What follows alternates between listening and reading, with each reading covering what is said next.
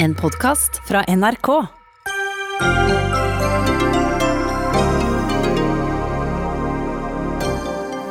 Tusener trosser helsemyndighetenes demonstrasjonsforbud. Store demonstrasjoner pågår akkurat nå flere steder i landet mot politivold etter hendelsen i USA, der en svart mann døde etter en brutal politipågripelse.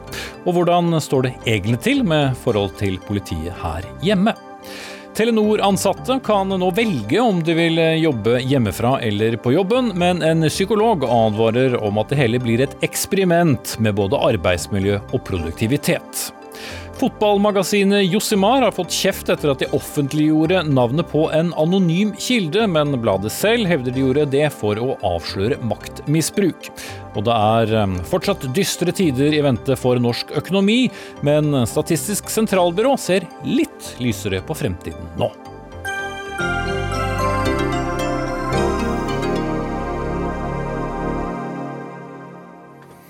Da sier vi god kveld og velkommen til fredagens Dagsnytt 18. Jeg heter Espen Aas.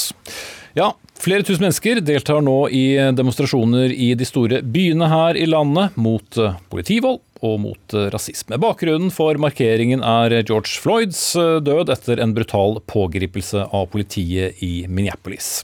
Rett før demonstrasjonene startet, opphevet politiet smittevernregelen om én meters avstand, og flere tusen mennesker har altså gått ut i gatene. Og vi har med oss deg, reporter Haldor Asvald. Du har fulgt demonstrasjonene utenfor Stortinget i Oslo sentrum. I utgangspunktet ble det gitt lov til 50 demonstranter, men dette ble langt, langt større. Hvordan foregår det hele der du er?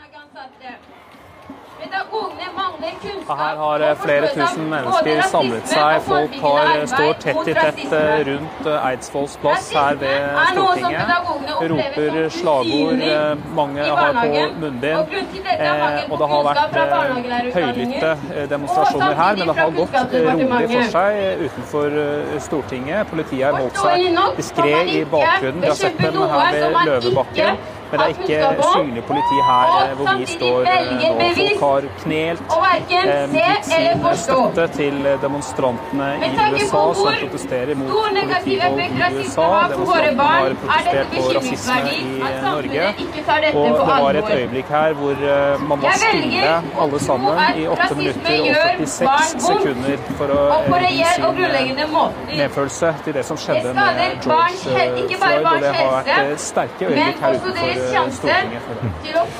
vi konkurrerer litt med appellene når det gjelder å, å høre deg, reporter Haldor Asvald, men vi forsøker likevel litt til. Det var jo også en god del demonstranter oppe ved den amerikanske ambassaden som har beveget seg ned til sentrum der du befinner deg. Men stemningen som sådan, hvordan vil du beskrive den med så mange mennesker samlet på ett sted på første gang på mange, mange måneder?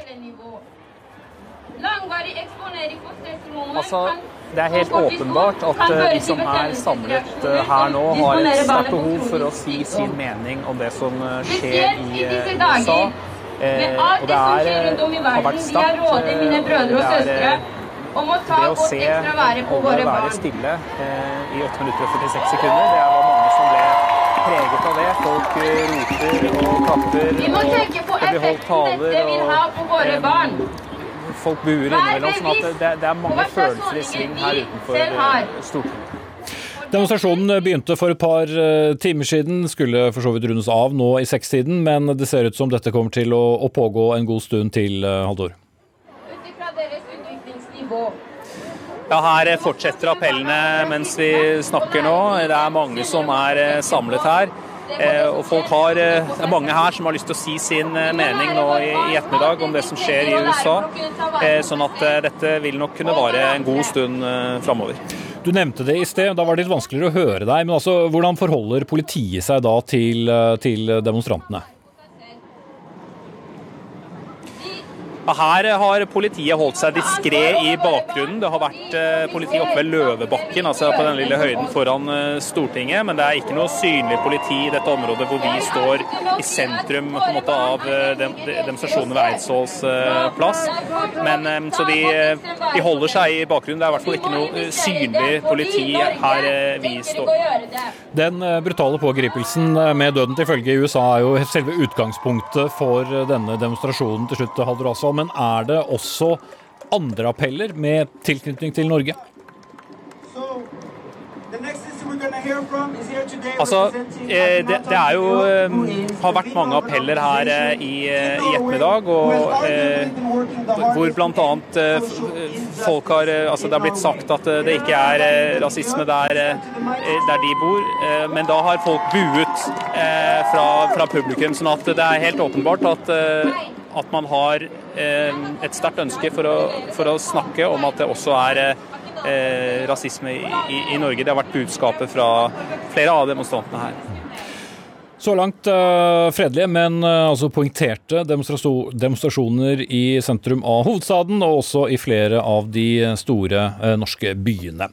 Men øh, hvordan er det her hjemme? Vi stiller også det spørsmålet. En som har skrevet om nettopp deg, nettopp det snarere, det er deg, Robert Nyheim Jomisko, i en kronikk på NRK Ytring, som er den mest delte saken på sosiale medier de siste 24 timer, skriver du jeg blir fysisk dårlig når jeg er alene og ser en politibil. Kommer jeg til å bli stoppet? Hva er det konkret du har opplevd i møte med politiet? Nei, jeg tenker jo det at uh, grunnen til at jeg skrev uh, kronikken, det er for å belyse at uh, politivold og diskriminering ikke er et problem som er forbeholdt amerikansk politivesen, men det foregår også i Norge. Og jeg har opplevd dette flere ganger opp gjennom hele oppveksten og frem til i dag. Og det syns jeg var viktig å peke på. Jeg tenker at eh, mine opplevelser er på ingen måte unike. Eh, folk med minoritetsbakgrunn som jeg snakker med, eh, har opplevd tilsvarende ting. Mm. Men bare for å være helt konkret, mange har jo delt og, lest den, og jeg la den også ut nå på Twitter før, før sending. Men, men, hva var det du opplevde? Altså, hva var foranledningene til de opplevelsene du hadde? Altså, jeg har blitt stoppet flere ganger enn jeg har fingre og tær. Og jeg har ikke noe antall på det. Men det er forskjellige situasjoner. Men den gangen, første gang jeg ble stoppet og satt i eh, baksetet på en politibil, var da jeg var ni år. Og årsaken til det var at uh, jeg og broren min, som var to år yngre enn meg, fikk vite at vi ikke hadde refleks. Derfor måtte vi sette oss inn i dette kjøretøyet når du er et barn og opplever disse tingene, eh, så forstår man ikke hvorfor det skjer. Man forstår ikke om man har gjort noe galt. Eh, man er redd for å fortelle det når man kommer hjem. Eh, og man har stor respekt for politiet. Mm. Det er en av det er bare én av mange ganger jeg har blitt stoppet. Og, og du poengterer da ytringen din at du, du, har ikke gjort noe galt, men du blir likevel uh, stoppet, som er litt av ja. poenget her. Jeg har ikke gjort noe galt. Jeg har ikke Jeg vet ikke hvorfor. Og det er det spørsmålet jeg stiller meg hele tiden. Hvorfor blir jeg stoppet? Hvorfor er det slik at de rundt meg, de jeg har vokst opp med, som ikke har eh, eh, en minoritetsbakgrunn, eh, slipper å oppleve dette? Mm. Og stoppet, da mener du av politiet? Ja. Prøver ikke å si at hver eneste gang så må det skyldes hudfargen min. Men når dette gjentar seg og gjentar seg og gjentar seg, da begynner man å lure. Og når man konfronterer uh, uh, offentlige tjenestemenn med dette, så får du høre at nei, det, det er ikke pga. hvordan du ser ut. Du passet uh, en beskrivelse til noen vi letet etter. Eller det er helt andre ting. Dette er bare en rutinekontroll. Eh, dette her eh, Noen sier til og med at de fører statistikk selv, og de kan garantere at det ikke har noe med hvordan jeg ser ut. For å spørre deg konkret, mener du det er et rasismeproblem i norsk politi? Jeg mener at det er eh, et rasismeproblem. Og da tenker jeg ikke på at det er ikke bare et par råtne epler i politivesenet. Jeg tror det er et uh, systemisk problem. Og uh, man kan ikke behandle det på individnivå. Man er nødt til å se på alt. Man er, se, man er, nødt til å se på opplæringen i politiet. Man er nødt til å uh, se på uh, hvem som søker seg til politiet. Hvordan type etnisitet har de som kommer inn i politiet? Hva kan man gjøre for å hindre at dette skjer igjen? Da? Jeg tror det er det er det som er det viktigste, og det er derfor jeg er glad for at vi kan møtes her og diskutere det i dag. Mm -hmm. Og En som sitter overfor bordet for deg, det er, det er Beate Gangås, politimester i, eh, i Oslo. Eh, spørre deg jo da, Er det et rasismeproblem i politiet? Jeg vil påstå at det ikke er et rasismeproblem, men vi har helt eh, lik oppfatning av hva som er målet vårt, og hva vi ønsker å oppnå. Og eh, jeg kan heller ikke utelukke at det er minoritetsungdom som blir kontrollert oftere enn andre. Men det som er så viktig Ikke utelukke det, du vet ikke sikkert? Nei, jeg får jo historier som dette, og det gjør inntrykk. Og vi ønsker at folk skal forstå hvorfor de blir stoppet av politiet. Politiet skal ha en grunn for å kontrollere folk, vi skal ha en grunn for å visitere, vi skal ha en grunn for å eh, ransake. Vi skal ha en lovhjemmel for det. Vi skal ha notoritet på det, altså vi skal skrive det ned i loggene våre, sånn at det er etterprøvbart. Eh, og, no, og på noen, eh, noen, ganger så og, og mottar vi eh, klager fra folk, og det setter vi også pris på. Mm. Dersom man enten eh, mener seg feil kontrollert, at man ikke hadde, hadde, grunn til å kontrollere, eller at de ikke har forstått hvorfor. Og da er ofte det at eh, hva var grunnen? Jeg syns ikke jeg fikk en god begrunnelse, jeg forsto ikke begrunnelsen. Hvor ofte er det noen ganger? Eh, i, I 2019 så fikk, mottok vi i alt 211 klager til Oslo-politiet. Av disse så var 15 klager som var forbundet med eh, en oppfatning av blitt diskriminert pga. etnisitet. I to av disse forholdene så fant eh, Oslo-politiet grunn til å si at her var det gjort noe kritikkverdig.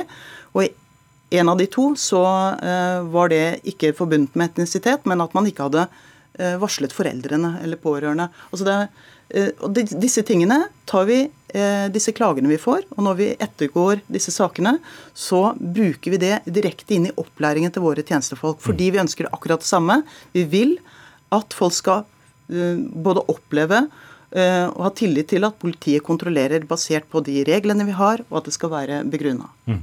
Men altså, bare for å stille deg et åpent spørsmål, da. Hvis uh, vi skulle ta um, Oslo sentrum om, om uh, fem timer, hvem tror du har størst uh, sjanse for å bli stanset av politiet, av Nyheim, Jumisko og meg?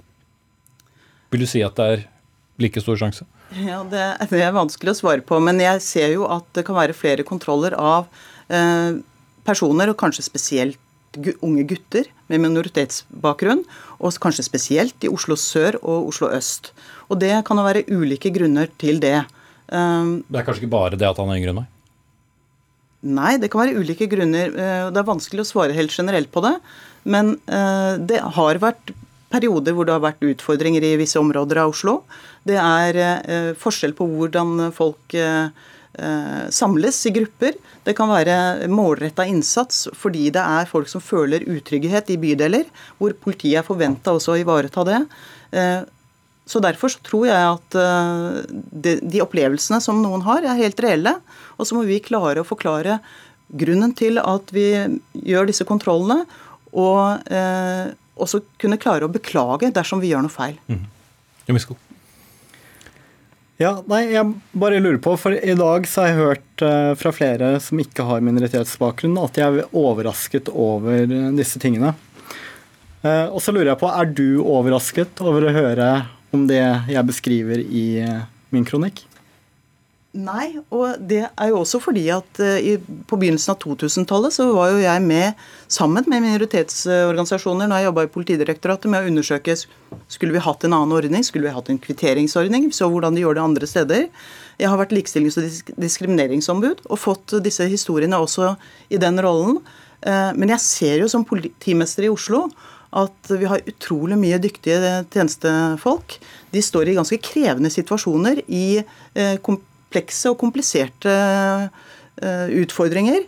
Eh, og viser stor tålmodighet. Og så kan vi gjøre feil.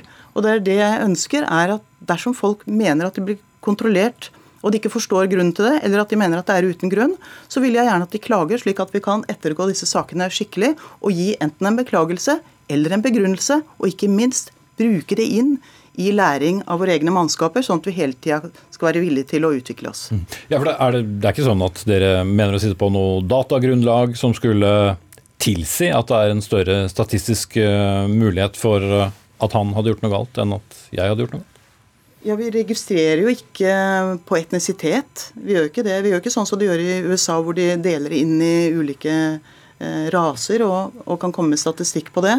Men vi kan ettergå, og det vi ser er at det er politifolk er flinke til å registrere det de gjør. og Da kan vi ettergå det og se om dette her er eh, godt begrunna, om det er innenfor de hjemlene vi har, eller om det er noe vi må lære av. Mm. Randi Solhjell, du sitter også her og har hørt på. Du tilhører Politihøgskolen, hvor du er forsker, og har forsket på personer med nettopp minoritetsbakgrunn som stoppes av politiet. Hva forteller forskningen? Den forskningen vi har gjort, var i nordiske land. Så jeg har sett på spesielt Oslo og Oslo øst-sør. Eh, og det vi Jeg kjenner igjen den, det som kommer fram i kronikken. Og jeg kjenner igjen mange andre historier som også Det blir veldig eh, mange like historier om det å være ung og ha minoritetsbakgrunn, å være gutt eh, eller ung mann, eh, å bo i visse områder, visse nabolag, være ute i visse tider, eh, opplever de ungdommene en mye hyppigere kontroll eh, av politiet. Mm. Men Det er da enkelthistorier som du får høre. Hva, hva har vi av tallmateriale om noe?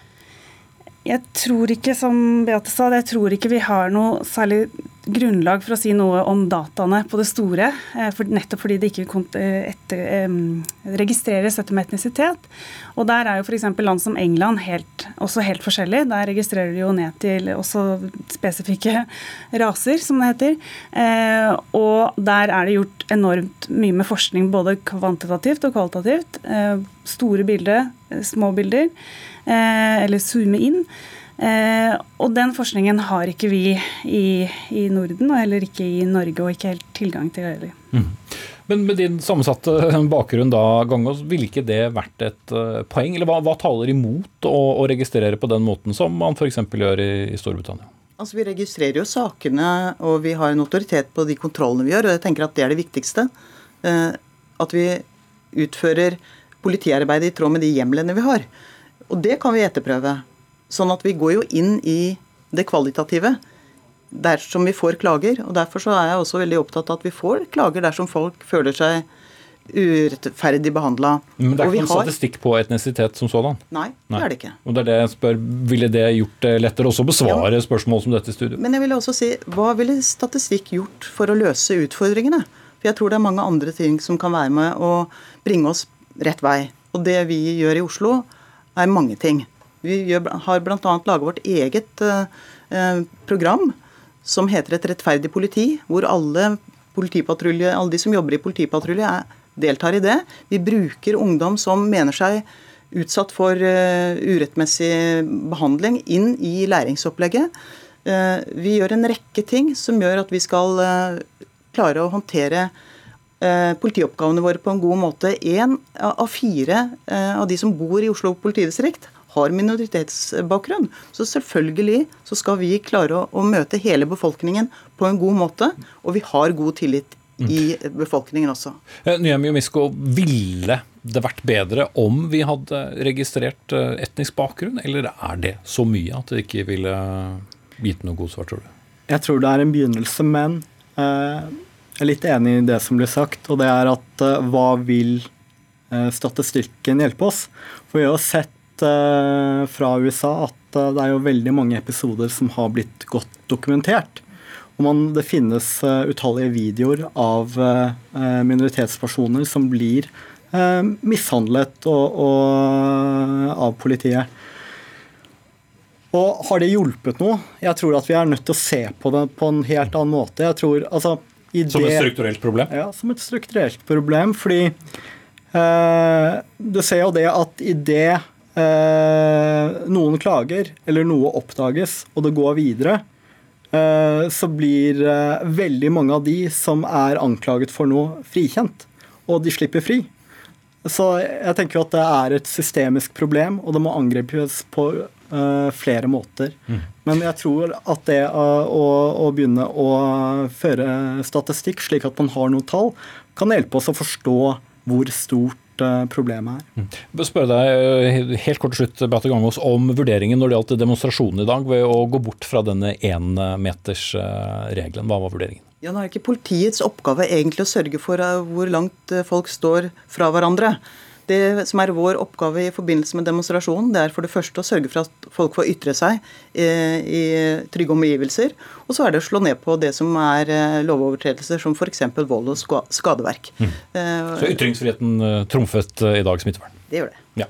Takk skal dere ha, alle tre. Beate Gangås, politimester i Oslo. Randi Solhjell, forsker ved Politihøgskolen. Og Robert Nyheim Jomisko, som har doktorgrad i tverrfaglige kulturstudier, og altså skrev dagens mest delte kronikk. Dagsnytt 18 alle hverdager kl 18.00 på NRK P2 og NRK2.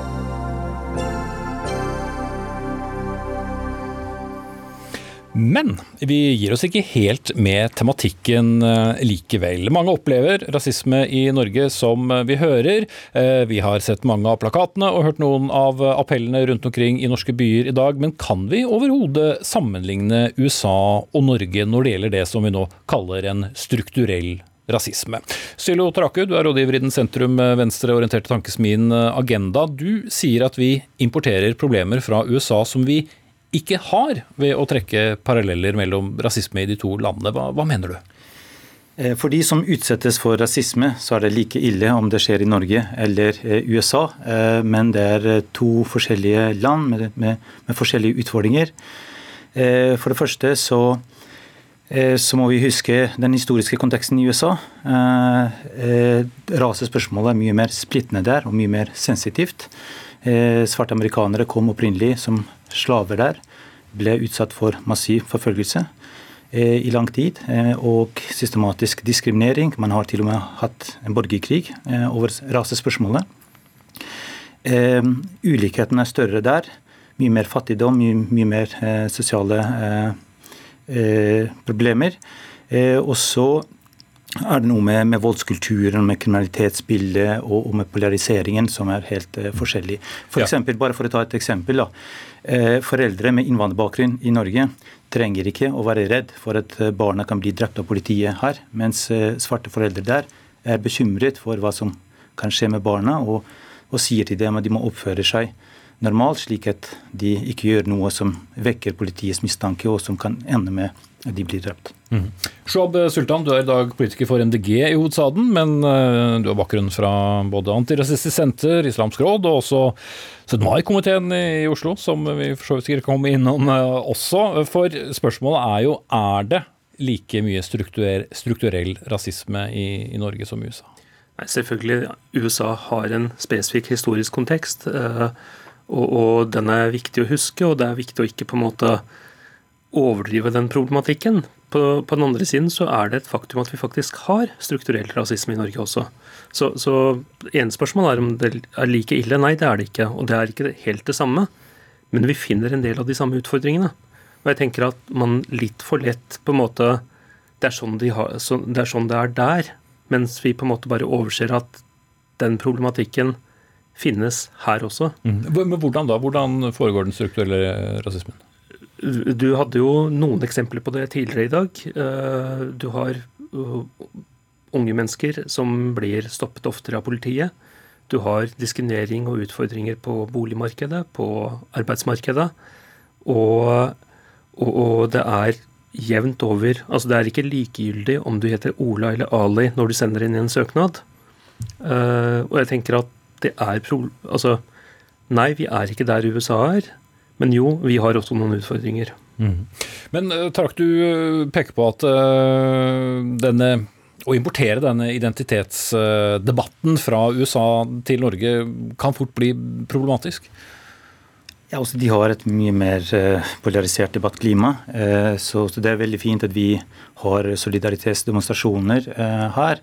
Eh, men, eh, men, jeg er bare bekymret for at ordet rasisme og politivold assosieres med politiet i Norge. Eh, vi har, altså Innvandrere har høyere tillit til politiet i Norge enn svarte har til politiet i USA, og det er jo positivt. Men det er utfordringer med, tillit til politiet blant en del ungdommer med minoritetsbakgrunn. Og, og det er noe som politiet og vi som samfunn må, må, jobbe med. Politiet må starte helt fra barnehager, besøke mer barnehager og skoler og, for å fortelle om deres rolle og, og bygge gode relasjoner. Det er episoder som som kan ødelegge for, for, tilliten til politiet, som f.eks. det at man, man, stoppes oftere og man, man, føler seg mistenkeliggjort. Men det er noe som politiet i Norge, og spesielt i Oslo, er bevisst på og, og, og jobber med.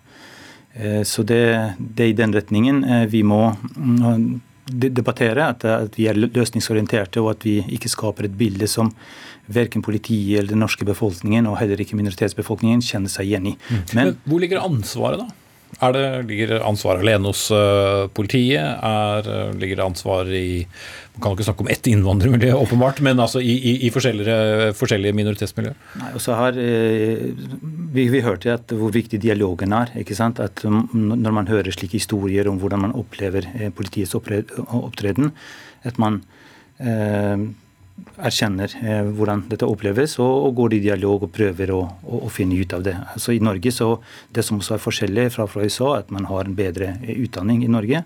Både lengre, men også innholdet. Mm. Hos politiet? Hos politiet er mye, mye bedre. Man, man fokuserer på etikk, man reflekterer over etiske problemstillinger, eh, menneskerettighetsspørsmål og måter man pågriper folk og Politiet i Norge er mye mer tålmodig i, i, i situasjonen med pågripelse og kriminalitet, mens i USA så går man brutalt til verks selv når det er småkriminalitet inne i bildet, som at man stjeler sigaretter. Mm. Men Sultan, Er det områder det gir mening å sammenligne USA og Norge? Ja, eh, jeg tenker at det er viktig å erkjenne at det er en del opplevelser der ute av møter med politiet som er problematiske. Og så tenker jeg også at det er viktig å på den ene siden, jeg er helt enig med Sylo i at man på en måte ikke skal overdrive denne problematikken. ikke sant? På den andre siden så er jeg litt redd for at man i iveren etter å ikke gjøre det, gjør det motsatte. At man lukker øynene. Så det blir sovepute og tenker at vi ligger så godt an på statistikken hvis vi sammenligner oss med andre land, så har vi ikke et problem? Ikke sant. Og det mener jeg at det er viktig at vi faktisk ikke gjør. Og så syns jeg, og det er helt på sin plass, og, og og, og rose den innsatsen Oslo-politiet gjør med å jobbe med den problematikken. Men noe av det viktigste der er å erkjenne at problematikken eksisterer. At det er folk som møter politiet på en måte som oppleves diskriminerende, oppleves eh, problematisk. Og at det er viktig at man på en måte både skjønner at, og erkjenner at ok, dette skjer, og så går i en dialog og prøver å finne ut hva man kan gjøre. Mm. Så Oslo-politiet har gjort og gjør veldig mye som er bra. Jeg er enig i at når vi diskuterer sånne spørsmål, eh, sensitive spørsmål som dette, så, så er det én ting å eh, se på statistikken, og, så, som er ganske positiv, både når det gjelder holdninger, når det gjelder eh, antall saker og omfang og sånt. Men eh, Eh, men noen har opplevd rasisme og opplever rasisme, og for dem så, så er ikke den positive, generelle positive statistikken betyr ikke så mye. De vil ikke kjenne seg igjen i, i Hjelper ikke så mye viser om den da? Nei, ikke sant. Men uh, bare for å, uh, for å, si noe om holdninger. Uh, det er ikke sånn at vi har mindre rasistiske holdninger i Norge enn USA. de engelskspråklige landene er blant de minst rasistiske i verden, og der er også Skandinavia. Men de få som har rasistiske holdninger, er blitt mye mer synlige i dag også, og spesielt på, på Facebook. Og, og, til og med, spesielt vi som deltar i samfunnsdebatten, både Shoaib og jeg, blir ut, utsatt for hets og, og, rasistiske bemerkninger og blir bedt om å reise hjem og sånt. For en norsk rasist er ikke mindre farlig enn en amerikansk rasist? Nei, nettopp. Og, og, vi har en litt tendens til å gjøre det av og til i den norske debatten. At uh, politikere i andre land med problematiske holdninger er det veldig lett å si at har problematiske holdninger, og, og fordømme dem. Men de norske er på en måte det er, det er litt spesielle. Våre rasister er litt snillere, liksom. Og det er de gjerne ikke. Det er en, eh, i hvert fall en litt annerledes eh, debatt, og vi tok en del av den her. Takk skal dere ha, mine herrer. Shoab eh, Sultan, politiker fra Miljøpartiet De Grønne, og Syljo Taraku, rådgiver i Tankesmien Agenda.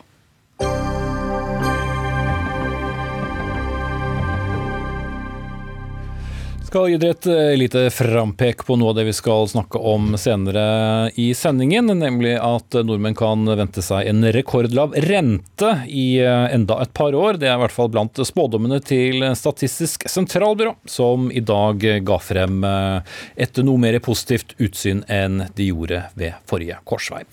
Men nå skal vi snakke om Telenor, som denne uken ga 20 000 ansatte beskjed om at de fremover kan velge hvor de vil jobbe, om de vil velge å ha hjemmekontor eller reise på kontoret.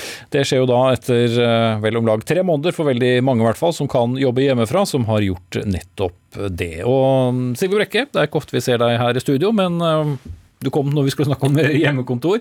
Hva er de konkrete fordelene som en stor bedrift som, eh, som Telenor har med at folk ja, gjør jobben hjemmefra? Nå må jeg først si at jeg er jo veldig stolt over at vi faktisk nesten over natta tok hele Telenors operasjon eh, blant 20 000 ansatte i ni land til hjemmekontorer. Det har gitt oss mange fordeler, eh, og vi ser eh, i undersøkelsen vi har med for ansatte at engasjementet, trivselen har gått opp, og effektiviteten. Mm. Så dere kan måle det? det? Det kan vi måle. Og det er på en måte to eh, og vi, vi forbereder oss derfor da, med de erfaringene på det vi tror blir framtidas arbeidsliv. Og Det er på en måte to ting. Det ene det er å gi en fleksibilitet. Eh, en fleksibilitet til å velge hva som passer best for deg som ansatt. Vi tror veldig veldig få kommer til å sitte på hjemmekontor hele tiden. Men, men kanskje noen tar en eller to dager, noen kommer senere på jobb osv. Den andre delen er at det endrer også måten å jobbe på. Du får til mer samarbeid, du får til mer dynamiske arbeidsprosesser, du får til flate organisasjonsstrukturer. Så det er også en del av det å endre måten vi jobber på som et stort konsern. Mm. Du har hørt, eh, Telenor er en bedrift, og i mange andre virksomheter så ville dette vært eh, helt umulig, selvsagt. Men hva er nedsidene da med å sende 20 000 hjem? For dere har vel sikkert sett på det òg? Nei, for, for, å få det til, så må du ha digitale verktøyer. Og det er klart Telenor som en teknologibedrift har de verktøyene. Eh, ellers så ville vi ikke fått det til. Og, og, eh, Samtidig så må du jo finne da en balanse der eh, du på hjemmekontoret er med. Eh, du er, er, på arbeidsplassen, bare at du sitter ikke fysisk der. Så du må ha arbeidsverktøyer som fungerer på hjemmekontoret. Samtidig så må du da eh, ha eh, en annen type ledelse. Du må ha en ledelse hvor lederne gir enda klarere eh, beskjed om hva slags forventninger, hva slags ambisjoner, hva slags mål eh, er at de ansatte skal oppfylle. Mm. Hvis du følte at ikke du ble sett mens du satt på kontoret, så blir du vel i hvert fall ikke sett hvis du sitter ved kjøkkenbordet? Nei, det er derfor eh, Hjemmekontor betyr at, at hele organisasjonen må, må, endres. Både de ansatte, men også ledelsesbiten av det. Mm. Oddvar eh, Skjæveland, du er psykolog i noe som heter Mellomrom arkitekturpsykologi, et rådgivningsfirma for kontorløsninger som også da driver med, med forskning. Eh, hvilke utfordringer ser du eh, ved dette som Telenor-sjefen skisserer her? Nå er jo Telenor ganske gode på dette. De har 20 års trening, og det er 20 år siden dere begynte å si omtrent det samme som jeg da kalte en teknologiutopisme. Eh, jeg har eh, sett på, Vi har også gjort en undersøkelse og ser at det er noen problemstillinger knytta til dette når det rulles ut så massivt som vi ser i samfunnet nå. Eh, F.eks.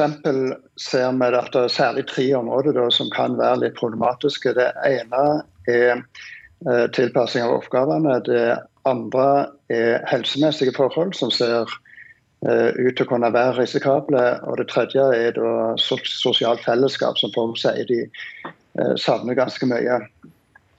Eh, F.eks. når det gjelder oppgavetilpasning, og spesielt da ledelse for å kunne følge opp de ansatte sin produktivitet og arbeidssituasjon, så er det opptil 70% av de spurte som sier at de ikke fikk den typen oppfølging fra ledelse eller HR.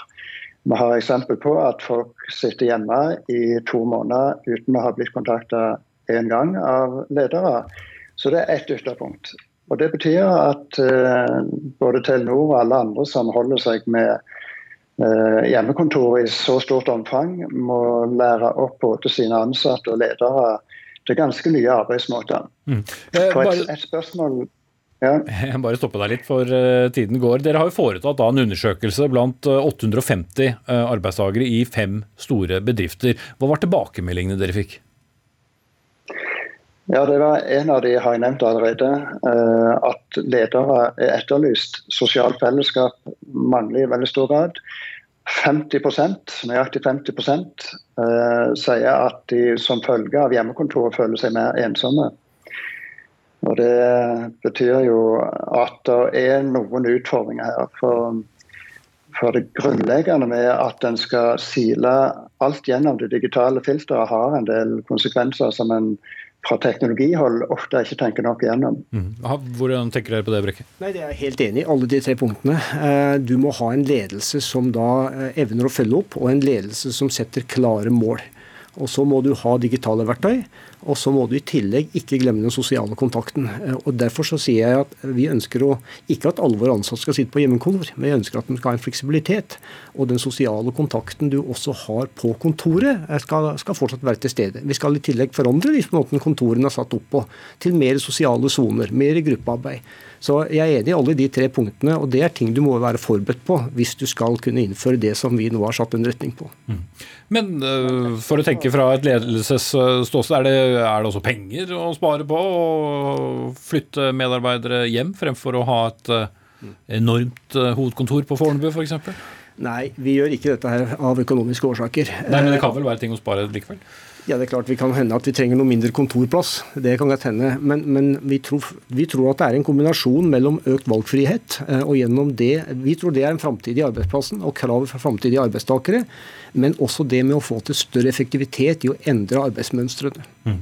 Eh, Skjæveland, hva med det som handler om eh, hvilke krav arbeidstakere kan stille til arbeidsgivere når de sitter på, på hjemmekontor? Det kan være langt mellom hev-senk-pult og en uh, flott kontorstol der.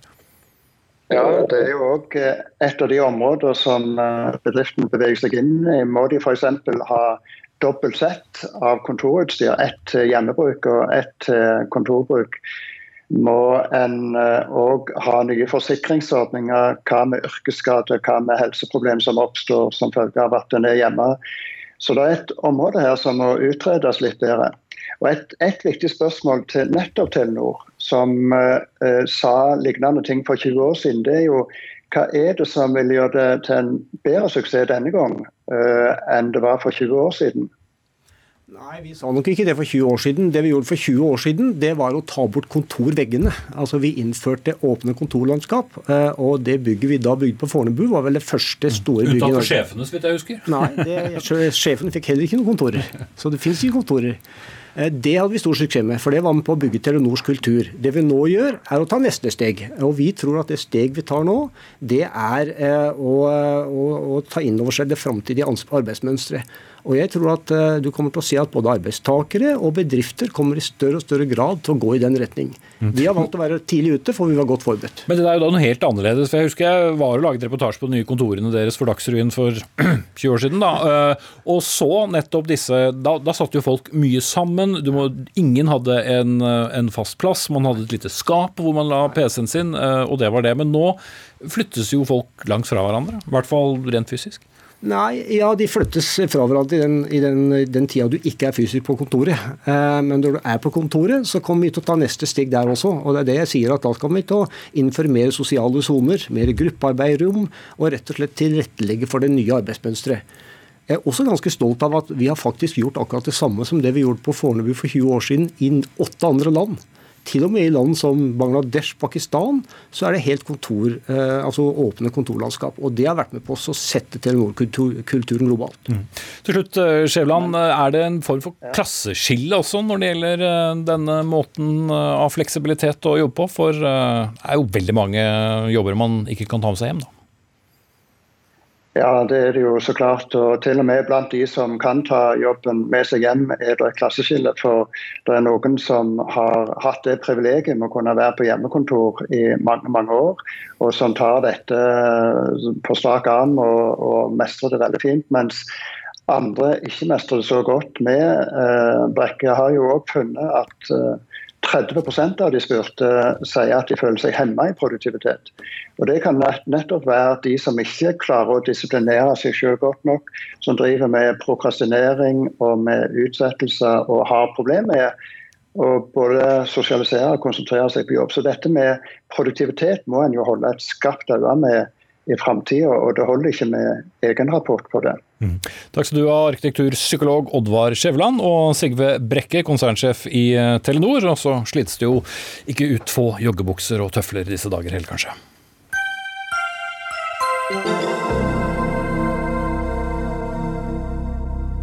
Så til en eh, betent strid mellom fotballmagasinet Jossimar og Norges Fotballforbund. En strid som til slutt havnet i Pressens faglige utvalg. Magasinet publiserte en spesialutgave om norsk kvinnefotball i fjor. Som endte med at fotballforbundene klaget dem inn til Pressens faglige utvalg, PFU, fordi forbundet mente de ikke hadde kontrollert godt nok opplysningene de satt på.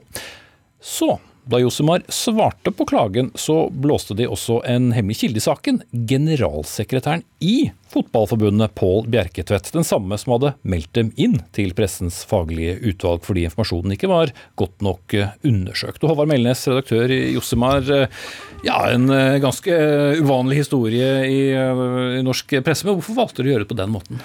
Ja, Det er jo en høyst uvanlig historie. Altså, vi valgte Det var jo alt annet enn en enkel beslutning å ta. Eh, jeg vil gjerne forklare litt av bakteppet her. Altså Josimar har i over ti år bedrevet kritisk journalistikk mot uh, Norges Fotballforbund. Uh, mange beskriver forholdet mellom Josimar og NFF som anspent. Vi kjenner ikke på det, fordi vi stiller bare spørsmål.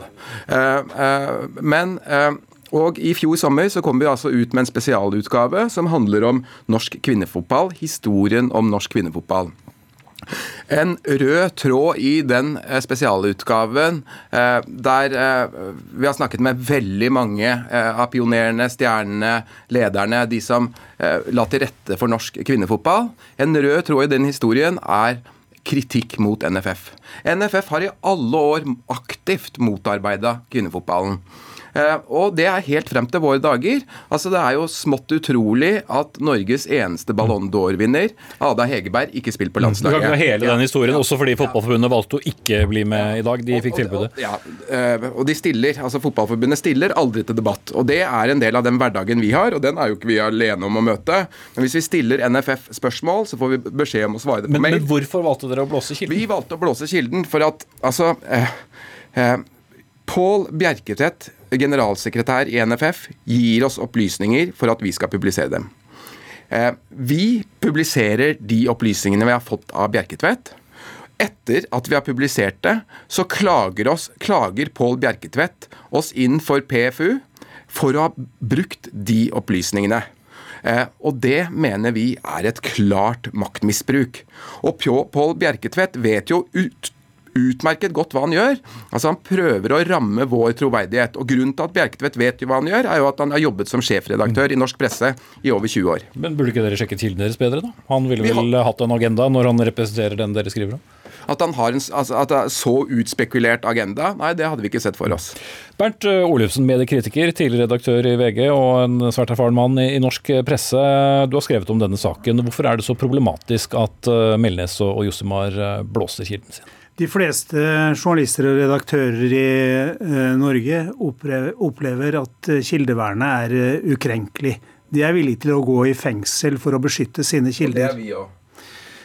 Det som skjer her, og det er fordi dette er en, en helt vesentlig hjørnestein i vårt demokrati, nemlig at folk skal være trygge på at når de går til pressen med opplysninger eh, om kritiske forhold under dekke av eh, anonymitet, så skal de forbli anonyme. Mm. Men dette er jo litt annerledes bare vent litt, Melens. Dette er jo litt annerledes kilde, da, en maktkilde som kanskje fòrer dem med, med feilaktige opplysninger? Og Derfor så er, er, både norsk rettsvesen og det meste av norsk journalistikk de er eh, helt på det rene med at slik skal det være, og slik må det være i et åpent demokrati som vårt.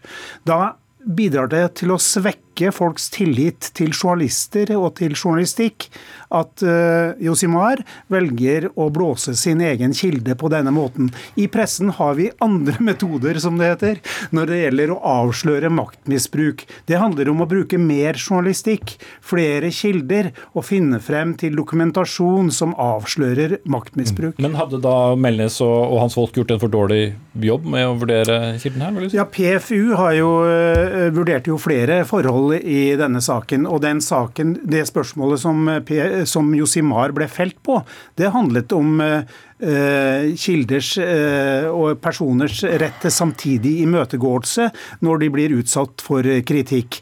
Og Det var jo på det punktet at Josimar eh, ifølge PFU da hadde sviktet faglig sett. Mm. Ja.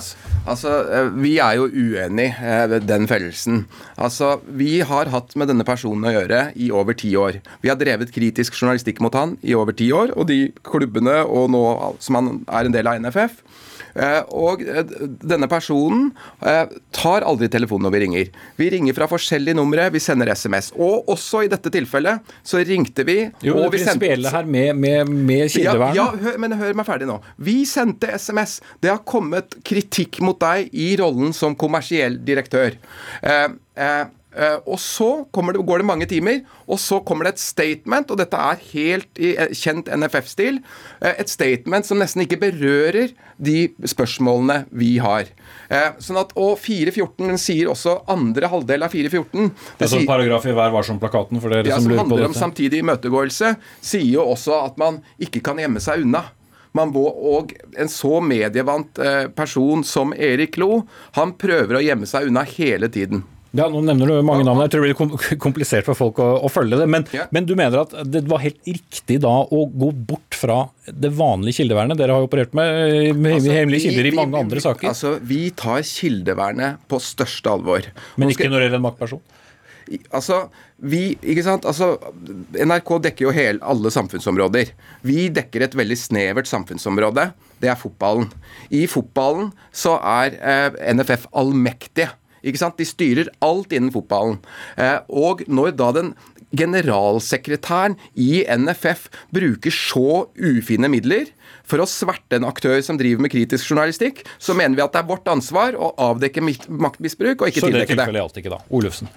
Ja, Det merkelige her i denne saken synes jeg jo på mange måter er at Josimar tildeler den maktpersonen da, som de ønsker å avsløre gjennom sin journalistikk, tildeler vedkommende kildevern gjennom en såkalt bakgrunnssamtale.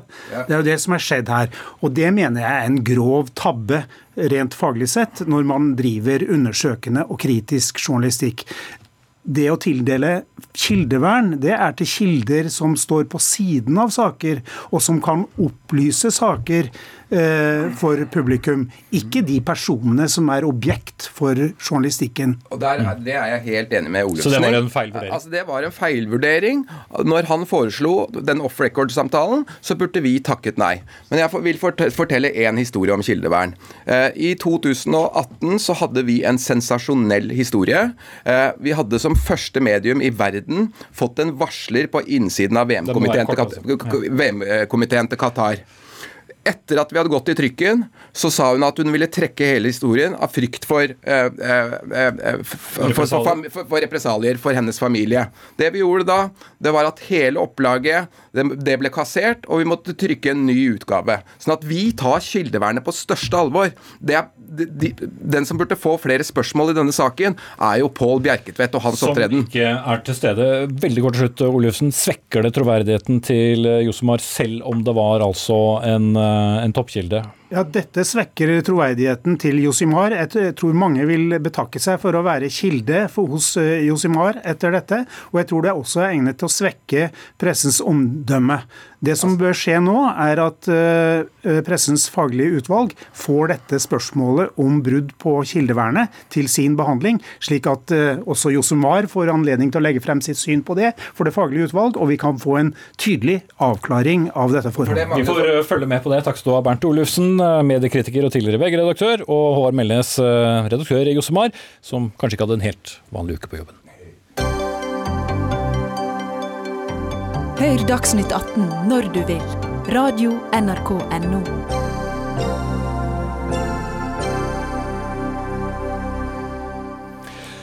Hvis du skulle lure, norsk økonomi er i dyp krise. Det har du hørt mange eksperter fortelle, ikke minst i dette studio den siste tiden. Vi har ikke lenger vekst i økonomien vår, men tilbakegang. Neste år får du ikke en reallønnsøkning, men eh, en reallønnsnedgang. Men det er også gode nyheter. Ting ser ikke så mørkt ut som vi trodde for en stund siden. Det slo i hvert fall dere fast i dag eh, i SSB. Thomas eh, von Brasch, der er du forsker. Dere la frem ny prognose. Og hva er det som gjør at ting ser litt lysere ut? Ja, altså, hovedbildet er som du sier, at det er en meget alvorlig situasjon for norsk økonomi. Men det er altså noen lyspunkter. Og Det skyldes uh, i hovedrekke at uh, smitten nå har kommet ned på et lavere nivå. og Vi ser altså tegn til at aktivitetsveksten har tatt seg opp gjennom slutten av april og gjennom mai. og Det er flere som har kommet tilbake i jobb. Så det er noen lyspunkter, men hovedbildet er fremdeles at det er en meget alvorlig situasjon for norsk økonomi. Mm. Lav, lav verdiskapning. Men altså, Ali og Kari Nordmann, hva kan folk selv eh, forvente seg. Det er vel også et skille her, nemlig hvor jobber du? Er du offentlig ansatt, er du privat ansatt osv.? Ja, det er helt riktig. Og denne krisen den slår jo eh, veldig bredt ut. Den treffer jo en rekke tjenestenæringer, men den treffer også de næringene som eh, leverer varer på det internasjonale markedet, og den treffer også de virksomhetene som leverer inn til eh, petroleumsnæringen. Men så er det som du er inne på, at for de som har en, sikker, en mer sikker jobb, f.eks. innenfor offentlig sektor, ja da er situasjonen litt annerledes. Mm. Ja, for da får du rett og slett bare nyte av en lav rente som kommer som følge av at vi trenger å, å, å stimulere f.eks. økonomien. Du har den samme kjøpekraften. Lønnen din vil etter all sannsynlighet ikke, ikke endre seg. Men det, er det grunn til å tro at det vil føre til et større skille? Det kan føre til et større skille, men jeg vil bare påpeke at eh, den koronapandemien som vi nå har vært utsatt for, det er ikke eh, noe positive nyheter eh, for noen. Eh, og den internasjonale lavkonjunkturen vi nå ser, den er styrende for lønnsutviklingen her hjemme. Så vi kommer til å gå, altså, det kommer til å være en meget moderat lønnsutvikling i årene fremover. Og som du også sa innledningsvis, vi tror altså at det blir en reallønnsnedgang til neste år. Og dette, dette vil ramme veldig mange. Men bildet er jo litt mer sammensatt, som du også peker på. Og renten, som en respons på den, eh, den eksepsjonelle situasjonen vi har i norsk økonomi, så har jo da renten blitt satt ned på helt historisk lave nivåer, og den er nå 0% og dette er det flere da som nyter godt av. Mm.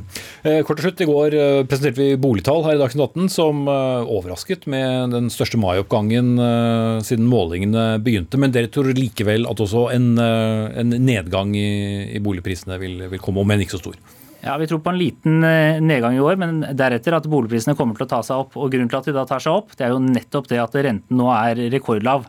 Men eh, vi må huske på at eh, vi står nå overfor en lavkonjunktur som kommer til å vare lenge. Det er stor usikkerhet, utsikter til lav lønnsvekst, og det er med å bremse boligprisene. Så til sammen så anslår vi altså da at boligprisene de vil vokse moderat i årene framover. Takk skal du ha for denne økonomiske værmeldingen, Thomas von Brasch, forsker i Statistisk sentralbyrå.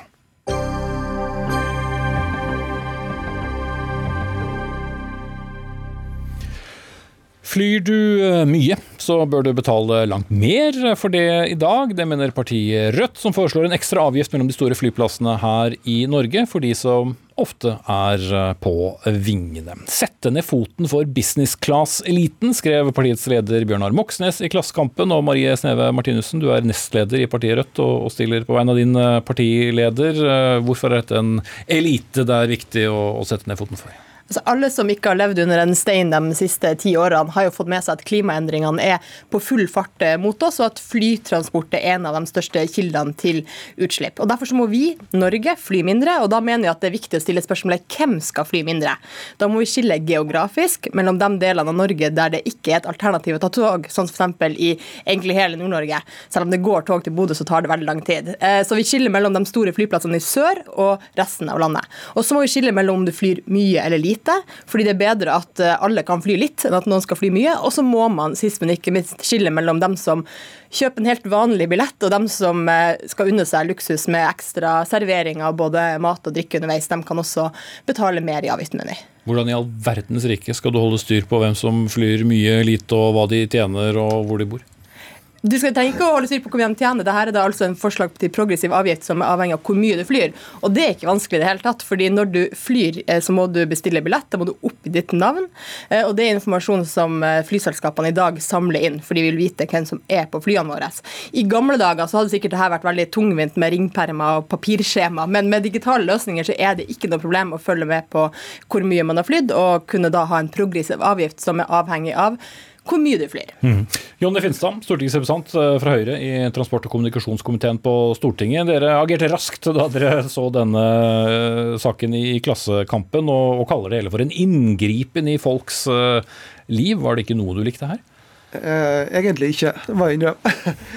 altså, altså, På toppen av det alt så kommer forslaget i en tid hvor flybransjen ligger med brukket rygg etter koronakrisen. og og det er drøss med folk i flybransjen som er permittert, står i fare for å miste jobben. Og så er Rødt svar å øke avgiftene og, og, og priser for folk flest for å få dem til å fly mindre.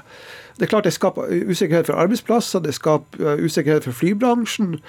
Og økte avgifter er vel kanskje det siste flybransjen trenger akkurat nå. Også, Men det er jo ikke for alle, da? Altså Til bedrifter f.eks. som likevel sender eh, folk rundt, så jo, rammer du ikke vanlige folk. Og det er jo det, Hvordan skal du skjelle på unødige jobbreiser og nødvendige jobbreiser? Altså Vi er jo avhengig av fly for å ha en desentralisert bosettings- og næringsstruktur i Norge. Og det er klart, eh, Hvis man ønsker mer bosetting og, og jobber rundt Oslo-området, så er jo Rødt et forslag kjempegodt. Men vi er jo avhengig av en, en, en rutestruktur som gjør at folk kan bo og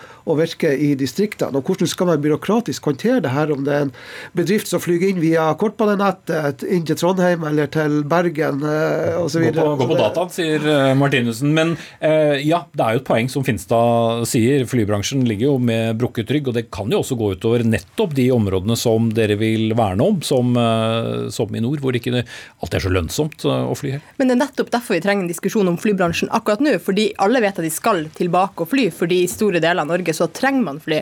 Men bekymringa vår er jo at vi ender opp med en, eh, en urettferdig flybransje der de som har råd til å fly, bestemmer hvor flyene går. Fordi det er mye mer lønnsomt for flyselskapene å fly mellom store byer, fly til eh, Europa eller fly til USA, enn det å fly til Kirkenes eller Vadsø eller Vardø.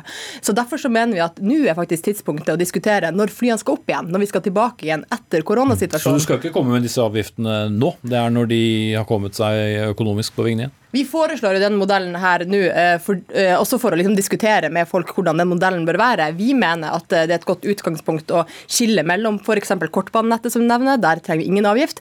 Men der har jo regjeringa sjøl innført en flypassasjeravgift. Så at avgifter bestandig inngrepen i folkeliv er jo litt rart fra en regjering som sjøl var de første til å innføre nettopp flyavgifter. Vi prøver å si hvordan avgifter videre kan skille nettopp mellom dem som flyr mye og lite. Og det er viktig å si at 91% av befolkninga i Norge flyr to ganger eller mindre, og ville derfor fått veldig lite avgift med oss. Dem vi må på en måte gi en slags beskjed til dem som flyr veldig mye, dem som flyr nærmest ukentlig mellom byene i sør i Norge. Og strekninger i Sør-Norge er faktisk blant de strekningene i Europa som det flyes aller mest på. Det er garantert unødvendig reise. Stortingsrepresentanter fra de nordligste fylkene f.eks. Jonny Finstad? Ja da, vi flyr masse, og, men det blir fryktelig vanskelig å beregne. Altså, Kortbanenett er jo materuter til store flyplasser for å fly videre. ikke sant? Hvordan du skal skjelle på de her type passasjerer som kommer, det syns jeg er, litt sånn rart. Og, og, det er klart at uh, ideologien til Rødt bak det her i møte med realitetene, så blir det en krasj i det her. Og hvordan du skal da få, eh, få skjell på passasjerer som, som, har nødvendige jobbreiser. altså Er det, er det, er det oljependlere, er det bygg- og anleggspendlere man skal ramme her, eller er det fritidsreiser? Altså, hvordan skal man skjelle på det her? Det kan du svare på, Martine. Til det første du sa med hvor man er på vei, så har faktisk Sverige en flyavgift der man nettopp tar utgangspunkt i hvor man kommer eh, og hvor man skal i transitt når man regner ut hvordan avgiften skal være. Så det heller er ikke umulig. Men så er det nødvendig og unødvendige jobbreiser, da? Eh, mellom, altså Vi mener jo at uh, vi er nødt til å kutte ned på de hyppige reisene. Uh, og det som er største på en måte volumet av de reisene mellom, jobber, mellom byene i Sør-Norge, er møtereiser. Altså folk som reiser for å delta på møter. Uh, også veldig mye i f.eks. offentlig sektor, der man har Men skal man spørre på forhånd? Hvorfor reiser du? Vi mener vel at det er viktigst at du skiller mellom hvor mange ganger du reiser. fordi det er hvis det er sånn at du må reise hver uke, da, så må du heller spørre deg må du reise hver uke. Det kan ikke være sånn at samfunnet vårt er basert på at man skal fly med store utslipp for å kunne gjøre jobben sin, f.eks. Da må man kanskje gjøre andre endringer i samfunnet. Og mitt spørsmål tilbake Mange har vel lært det nå i løpet av de siste tre månedene? Mange har jo lært det, og Poenget her er jo at hvis vi kan være enige om at vi må redusere flyreisene, hvordan skal vi gjøre det? Regjeringas sitt svar hittil har vært en flat avgift som rammer alle like mye Vårt forslag er en progressiv avgift. Hvis det finnes andre forslag, veldig åpen okay. for Det diskusjon. er jeg sikker på at Finstad har mer han vil si, men jeg må si at uh, ikke nødutgangen, i hvert fall utgangen er, uh, er bak i studio. For nå er vi ved veis ende. Jonny Finstad fra Høyre, Marie Sneve Martinussen fra Rødt. Anne Katrine Førli var ansvarlig for uh, fredagens Dagsnytt 18-sending. Eli Kyrkjebø tok seg av det tekniske. Jeg heter Espen Aas, og vi tar en bitte liten helgepause og ses på mandag.